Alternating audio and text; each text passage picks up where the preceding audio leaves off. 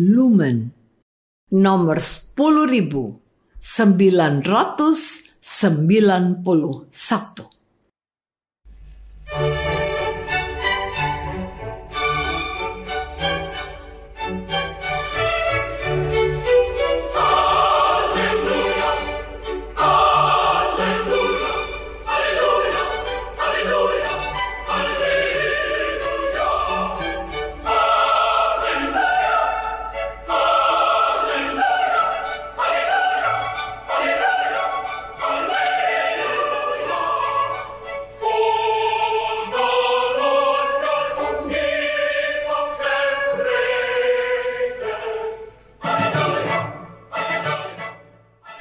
Saudara pendengar di segenap penjuru tanah air, selamat bergabung dengan Lumen Indonesia.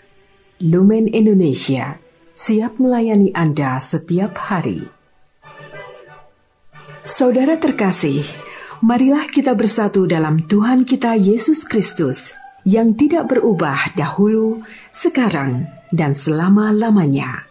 Allah Sang Maha Rahim mengasihi dan menerima sebagaimana adanya kita Allah Bapa kita di surga senantiasa bersedia menolong, menghibur, dan meneguhkan kita dalam menghadapi segala permasalahan hidup sehari-hari.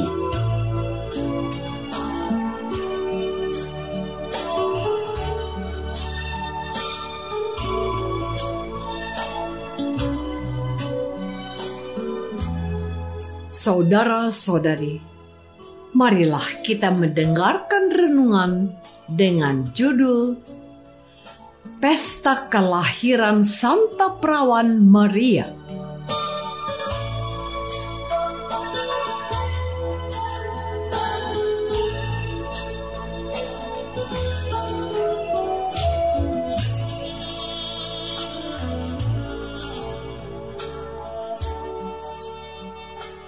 yang berdasarkan pada Injil Matius bab 1 ayat 18 dan 19c. Kelahiran Yesus Kristus adalah seperti berikut. Pada waktu Maria, ibunya, bertunangan dengan Yusuf, ternyata ia mengandung dari Roh Kudus sebelum mereka hidup sebagai suami istri. Yusuf bermaksud menceraikan Maria dengan diam-diam.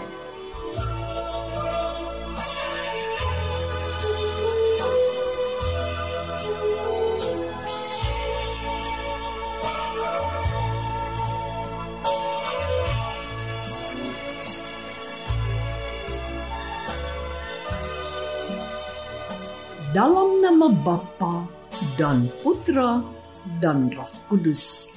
Amin. Saudara-saudari terkasih dalam nama Tuhan Yesus Kristus. Hari ini, gereja Katolik di seluruh dunia merayakan pesta kelahiran Santa Perawan Maria. Kelahiran Santa Perawan Maria dirayakan atau dipestakan karena beberapa alasan. Pertama, Bunda Maria adalah orang pilihan Allah. Hak atau kuasa untuk memilih Bunda Maria memang berada di tangan Allah sendiri. Tetapi kita sadar dan yakin bahwa Allah tidak asal-asalan dalam memilih Bunda Maria menjadi Bunda Yesus. Bunda Maria pasti mempunyai keistimewaan sehingga Allah berkenan memilih Bunda Maria. Kedua, dengan menerima tawaran Allah, Bunda Maria ikut terlibat dalam karya keselamatan Allah. Bahkan Bunda Maria setia menyertai Yesus putranya sampai di atas kayu salib. Di saat para murid lari dan kabur karena takut ditangkap dan diadili bersama Yesus, Bunda Maria tetap tegar dan tidak takut. Ketiga, Bunda Maria merupakan manusia pertama yang menerima karunia Roh Kudus. Dalam Injil hari ini, kita dengar pada waktu Maria, ibunya, bertunangan dengan Yusuf, ternyata ia mengandung dari Roh Kudus sebelum mereka hidup sebagai suami istri. Yusuf bermaksud menceraikan Maria dengan diam-diam. Saudara-saudari terkasih, peristiwa yang dialami oleh Bunda Maria, yakni mengandung tanpa suami, bukanlah perkara yang mudah bagi seorang perempuan saat itu. Orang Israel mempunyai hukum yang jelas dan tegas bahwa setiap perempuan yang mengandung tanpa suami akan dihukum dengan cara dirajam. Seorang perempuan dianggap berzina jika mengandung tanpa memiliki suami yang sah. Dirajam berarti orang itu dilempari dengan batu sampai meninggal dan Bunda Maria waktu itu sudah mengandung dari Roh Kudus. Hal ini sangat sulit untuk diterima dan dipahami oleh orang Israel karena peristiwa semacam itu belum pernah terjadi sebelumnya. Maka tak mengherankan bila Yusuf secara diam-diam ingin menceraikan Maria. Yusuf bisa saja berpikir bahwa Maria adalah wanita yang tidak setia dan tidak bisa menjaga dirinya. Namun, oleh kuasa dan rahmat Tuhan, Bunda Maria bisa melewati setiap masalah yang menimpa dirinya.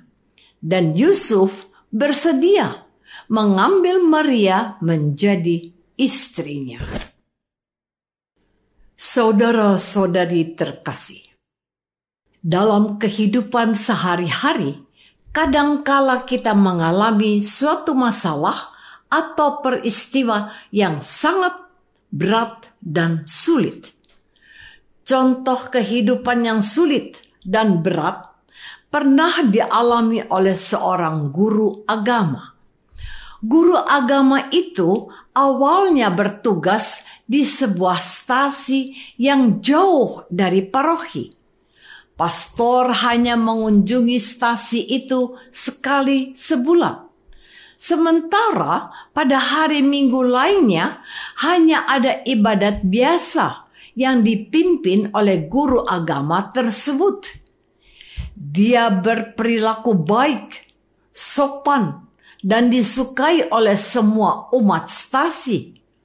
Tiba-tiba muncul sebuah masalah saat seorang anak gadis hamil di luar nikah. Peristiwa ini menjadi buah bibir bagi umat stasi. Umat berusaha mencari tahu siapa yang menghamili gadis itu. Setelah diselidiki, tersiar kabar bahwa yang menghamili gadis tersebut adalah guru agama yang hampir setiap minggu memimpin ibadat. Umat pun marah dan mengusir guru agama itu beserta anak gadis yang dihamilinya.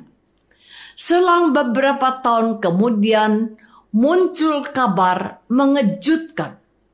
Seorang pemuda mengaku dan meminta maaf karena telah menyebar berita bohong. Ternyata guru agama yang diusir tidak bersalah. Justru pemuda itulah yang menghamili anak gadis tersebut semua umat stasi merasa bersalah dan mau meminta maaf kepada guru agama itu. Saudara-saudari terkasih, banyak peristiwa yang terjadi dalam hidup kita. Ada peristiwa atau kejadian tertentu yang sulit untuk kita pahami.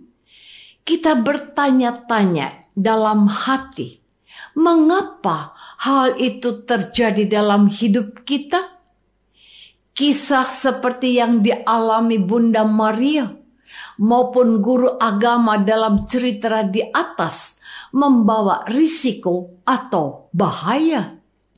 Bunda Maria yang menerima tawaran Allah menghadapi bahaya. Dia harus rela mengandung dalam usia yang sangat muda. Bunda Maria juga mengorbankan kesenangan pribadi demi terlaksananya karya dan kehendak Allah. Walaupun Bunda Maria orang yang saleh dan suci, namun masalah demi masalah terus menghampirinya.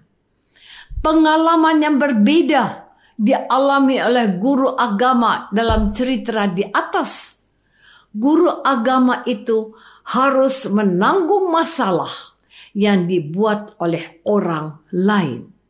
Meskipun guru agama itu berbuat baik dan bersikap sopan, tetapi dia tidak bebas dari masalah.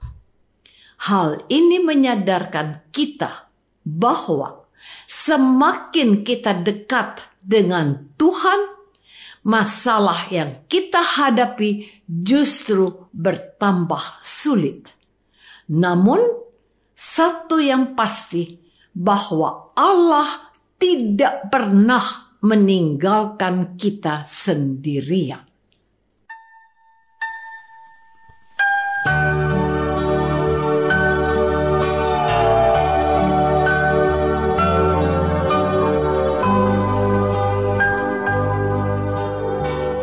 Saudara terkasih, marilah kita masuk dalam saat hening sejenak untuk meresapkan renungan yang baru saja kita dengar bersama dalam kehidupan iman kita masing-masing.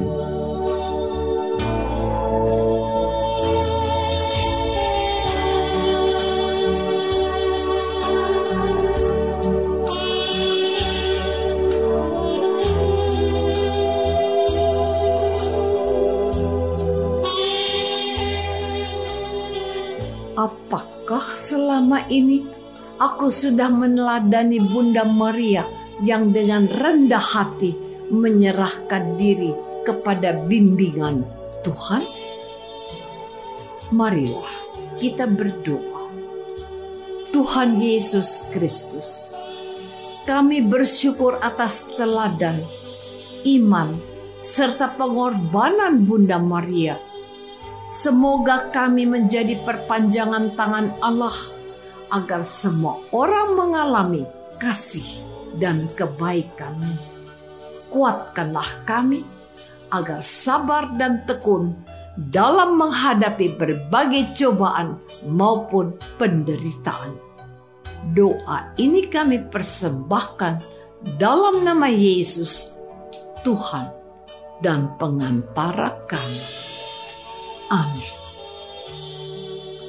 Semoga kita semua selalu dinaungi dan dibimbing oleh berkat Allah yang Maha Kuasa, Bapa dan Putra dan Roh Kudus.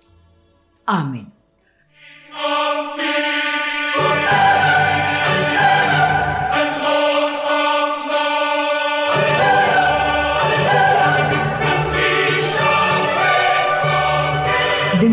Kasih dan sukacita, Lumen Indonesia mengundang saudara-saudara seiman di segenap penjuru tanah air.